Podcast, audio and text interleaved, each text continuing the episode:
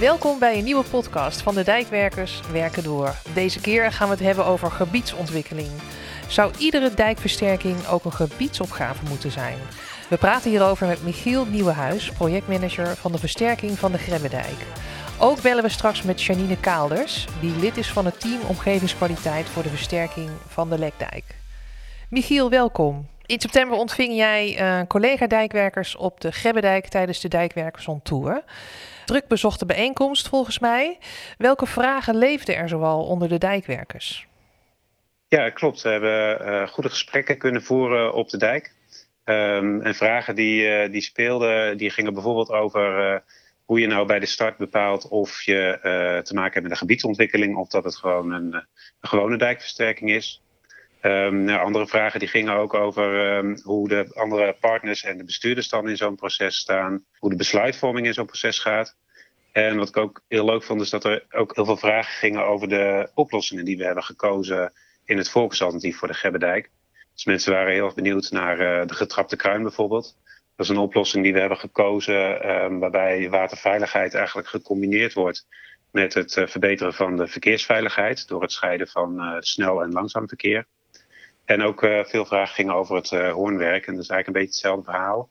Ook een slimme combinatie van uh, waterveiligheid met een andere ambitie, in dit geval namelijk cultuurhistorie. Door een oud verdedigingswerk weer beter zichtbaar te maken in het, in het veld.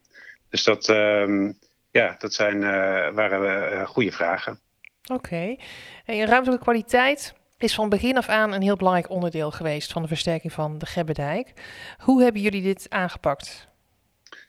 Nou, het belangrijkste daarin was een, uh, een uh, goede plek creëren voor de landschapsarchitect in het, in het proces. Dus we hebben ervoor gekozen om ehm, de ruimtekwaliteit niet te beleggen bij, een, bij het ingenieursbureau, maar dat in een aparte opdracht te beleggen bij een, bij een landschapsarchitect. En die dan ook direct adviseert aan ons als projectteam. En dat is, een, dat is eigenlijk wel een groot verschil, want daardoor wordt het gesprek over ruimtekwaliteit ook heel expliciet. En staan we daar als uh, opdrachtgever ook uh, middenin en tussenin. En hebben dus gewoon directere invloed om mee te sturen op de keuzes die we maken. En ook de landschapsarchitect die was dus bij belangrijke momenten en keuzemomenten aanwezig. En die kon ook heel actief sturen op het thema ruimtelijke kwaliteit. Oké, dus dat is al een hele belangrijke tip die je de luisteraars meegeeft. Hè? Betrek een, landschapsarchitect bij je project en geef hem ook een onafhankelijke plek als adviseur aan het projectteam. Welke andere leerervaringen wil je delen? Ja, dat zijn er een, een paar. En als eerste, um, wat, ik, uh, wat, ik, uh, wat wij ervaren hebben, is dat het eigenlijk heel logisch is om heel veel tijd en energie te steken in het uh, opstarten van een gebiedsproces. Dus je organiseert heel veel sessies om allerlei wensen en ambities op te halen. maar wat we ervaren hebben, is dat op het moment dat je dan moet kiezen, en je dus ook bepaalde wensen en ambities moet loslaten, dan moet je daar ook tijd aan besteden. Je moet dat heel goed uitleggen in de omgeving. En een, uh, gewoon een zakelijke onderbouwing van de gemaakte keuzes is daarbij niet, uh, niet voldoende. Dus je moet er echt even tijd en aandacht uh, aan besteden. En dat was bij ons bijvoorbeeld uh, bij een uh, hooigeul. Dat is een ambitie die uiteindelijk weggevallen is, maar die heeft wel heel lang in het proces meegedraaid. En uiteindelijk um, nou, heeft dat ook wel tot discussie geleid bij het loslaten van die ambitie, met name dan bij de watersporters en de gemeenteraad. Een ander punt was dat we vanaf het begin af aan eigenlijk de wens hadden om uh, de brug te slaan tussen verschillende partijen en uh, ook tussen tegenstrijdige belangen. Vanaf het begin af aan was het eigenlijk al wel duidelijk dat er uh, ja, met name op het thema natuur en recreatie toch wel grote verschillen van inzicht waren in welke ambities en wensen er gerealiseerd moesten worden. En um, we merkten eigenlijk gedurende het proces dat het eigenlijk niet lukte om daar een brug tussen te slaan en partijen in beweging te krijgen. En dat was eigenlijk uiteindelijk wel een, toch wel een grote teleurstelling en voelde als een gemiste kans. Um, en wat ik daarin ervaren heb, is dat je je eigenlijk vooral moet richten op de kwaliteit van het proces. Um, en dat je daarin zoveel mogelijk uh, momenten van interactie en contact moet creëren. En wat je dus niet kan beïnvloeden, is de uitkomst ervan. Dus daar ben je dan ook niet verantwoordelijk voor. Dus dat was wel een belangrijke uh, leerervaring. En als laatste, um, wat we ervaren hebben, is dat het ook belangrijk is om een goede, sterke motor in het uh, proces te hebben. En daarmee bedoel ik dat je, in, in ons geval, dat wij bijvoorbeeld de dijkverbetering uh, erin hadden zitten.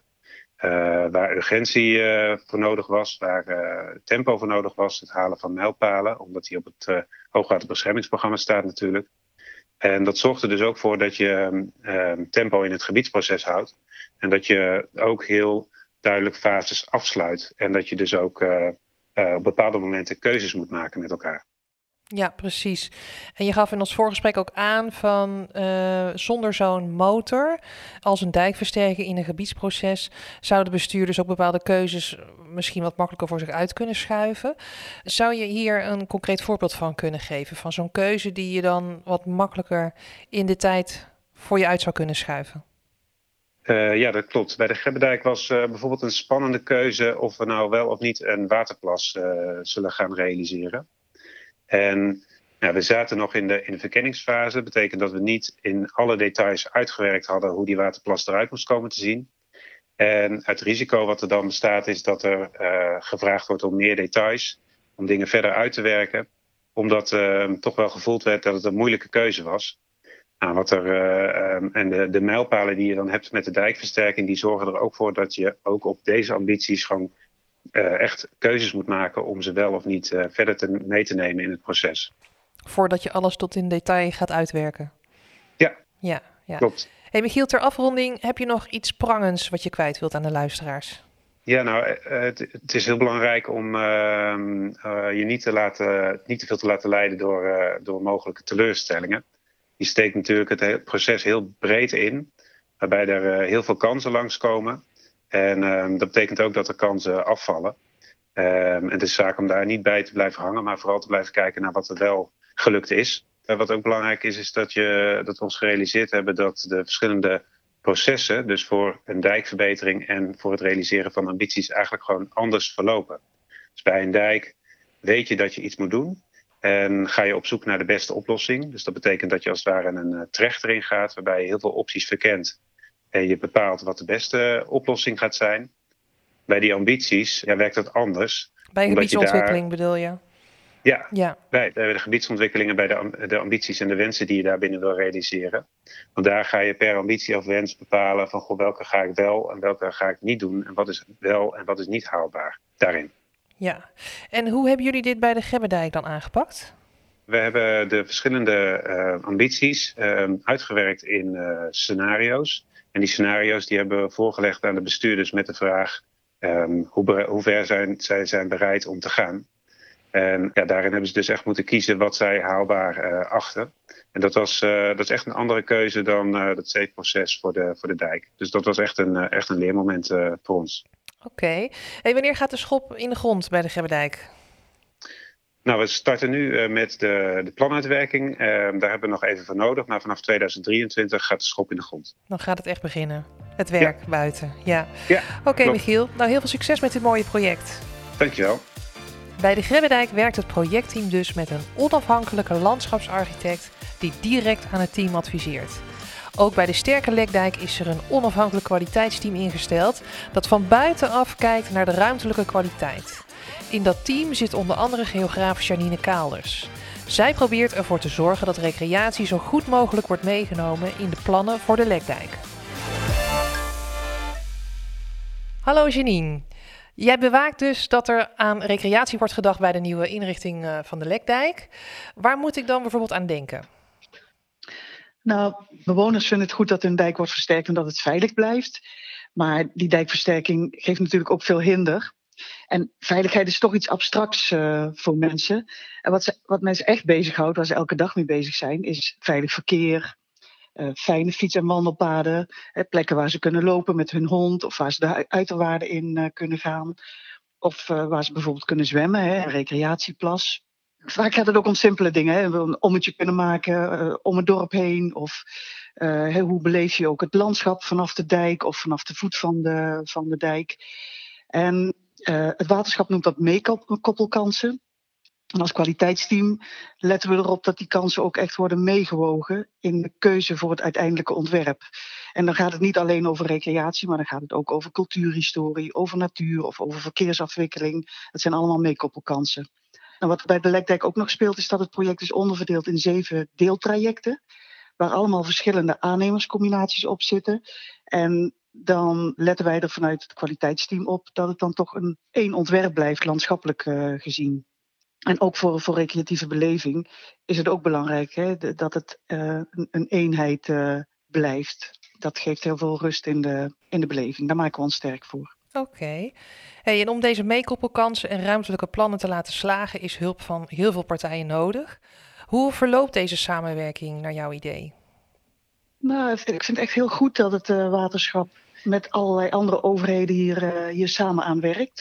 Het gaat echt niet alleen over de technische ontwerpopgave en dat vind ik een heel groot uh, pluspunt. Want dan zorg je er ook voor dat je met die dijkversterking meer maatschappelijke meerwaarde kunt realiseren dan alleen maar de waterveiligheid. Ik moet zeggen, ik, ik maak me ook wel een beetje zorgen. En dat heeft met financiering te maken. Want alles wat buiten de waterveiligheid valt, moet door andere partijen dan het waterschap worden betaald. En, en denk dan bijvoorbeeld aan de fiets- en wandelpaden. Daar staat de gemeente voor, uh, voor aan de lat. Gemeentes hebben het financieel heel lastig, onder andere omdat ze de hele zorgportefeuille van het Rijk hebben overgenomen. En nou, je ziet dat bijvoorbeeld iets, iets wat bewoners heel belangrijk vonden. En, en even los van de vraag of dat verkeerskundig beste, de beste oplossing is. Maar er was een grote wens van bewoners voor een vrijliggend fietspad tussen Amerongen en Wijk bij Duurstede uiteindelijk is dat geschrapt omdat de gemeente daar gewoon geen geld voor, uh, voor had. Nou, zo zijn er meer voorbeelden. Van ik denk van ja, ruimtelijke kwaliteit is heel erg belangrijk in het uh, hoogwaterbeschermingsprogramma. Er gaat ook heel veel geld uh, in om. En juist dingen die voor bewoners voelbaar meerwaarde opleveren, moeten dan soms worden geschrapt. Ik vind dat wel een gemiste kans. En ik denk dat het goed is als je daar met elkaar eens nog eens naar zou kijken. Van is dit nou de meest optimale vorm die we met elkaar gevonden hebben? Ja, precies. Dus, dus bij deze een soort van uitnodiging. Zeker, ja, zeker. Ja, hey, en, en als je kijkt naar de kansen op het gebied van recreatie die uh, op de Lekdijk verzilverd zijn, wat vind jij dan interessant om te noemen? Nou, een van de dingen waar ik zelf, um, wat ik zelf altijd heel gek vind van die Lekdijk, je, je woont er schitterend, je woont aan het water. Maar je kan eigenlijk bijna nergens het water in. Dat is best frustrerend voor, uh, voor uh, bewoners. Je, woont eigenlijk met je rug naar het water toe. Nou zijn er. Op een paar plekken kan je, kan je wel het water in. En dus ook bij Salmsteken is um, een plan wat al eerder door de provincie gelanceerd was, neergelegd om daar echt een recreatieplas te maken in de uiterwaarden. Daar is ruimte voor. Uh, het is ook allemaal gecombineerd met uh, alle technische dingen vanuit ruimte voor de rivier. En, ehm, dus het, het, kan daar. Um, en tegelijkertijd, er zijn eigenlijk twee plannen die daar tegelijkertijd zijn neergelegd. Een plan vanuit de provincie en, en, andere partijen daaromheen om iets in die uiterwaarden te doen en ook zwemmogelijkheden te creëren. En het plan voor die dijkversterking. En vanuit HDSR is erop gestuurd om dat in de tijd ook met elkaar gelijk op te laten lopen. Dus dat stukje dijk is echt naar voren gehaald door HDSR om te kijken hoe kunnen we zoveel mogelijk daar werk met werk maken. Nou, dat vind ik een hele mooie.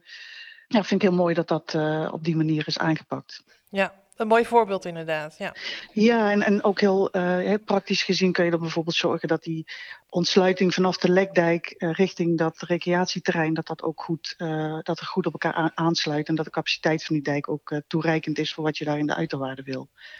Ja. Ik heb nog, ook nog wel een ander voorbeeld. En dat is, het gaat niet over recreatie, maar het gaat over natuur. We hebben als eh, kwaliteitsteam ook geadviseerd dat, om toch ook wat integraler en over de hele Lekdijk ook rekening te houden met de kansen die er liggen op het gebied van ecologie. En uh, naar aanleiding van ons advies is er een motie ingediend en die is ook uh, aangenomen, die motie. En HDSR gaat dit onderwerp dus ook heel serieus uh, oppakken in relatie tot de dijkversterking. Nou, dat vind ik ook een mooi voorbeeld van kansen die verzilverd zijn. Ja, absoluut. En ik kan me ook voorstellen dat dit helpt om in de omgeving draagvlak te krijgen voor de dijkversterking. Ja, die ruimtelijke kwaliteit is denk ik voor het draagvlak het belangrijkste. Ehm, die meekoppelkansen kijk, die, die, die, die, versterking van de dijk, dat levert toch ook best wel wat hinder uh, op. Maar die meekoppelkansen, daar ligt voor de bewoners ligt daar het zoet. Uh, tegenover het zuur wat je ook hebt. Ja. Dat is ook een van de redenen uh, ja, dat ik er zo pleit om daar, voor pleit om daar financieel ook anders mee om te gaan. Ja, ja. En jij bent dus betrokken bij die sterke lekdijk vanuit een onafhankelijk kwaliteitsteam. Is het gebruikelijk dat dijkversterkingsprojecten werken met zo'n onafhankelijk team? Nee, dat is echt. Uh, eh, HDSR is heel vooruitstrevend op dit vlak. Ze steken echt hun nek uit. En niet alleen maar als het gaat over zo'n kwaliteitsteam, maar ook als het gaat over uh, het stimuleren van technisch innovatieve oplossingen voor de dijkversterking. En ja, wat ik, wat ik zie is, ik, ik heb ontzettend veel bewondering voor al die experts die daarbij betrokken zijn. Het proces wordt ontzettend gedegen aangepakt, interactie met bewoners, uh, enorme hoeveelheid technische kennis. Die wordt gecombineerd en dan ook nog eens een keertje per locatie wordt er echt heel precies gekeken wat is hier nou echt nodig en hoe gaan we dat op deze plek aanpakken. En uiteindelijk mondt het allemaal uit in één uh, plan. Uh, ik vind dat heel knap. En zo'n kwaliteitsteam helpt dan af en toe ook om uit te zoomen kritisch mee te kijken of de ambities die je aan het begin had ook wel overeind blijven in het ontwerp. En dat is heel handig als je eenmaal op die rijdende trein zit, want dat is een dijkversterking toch ook.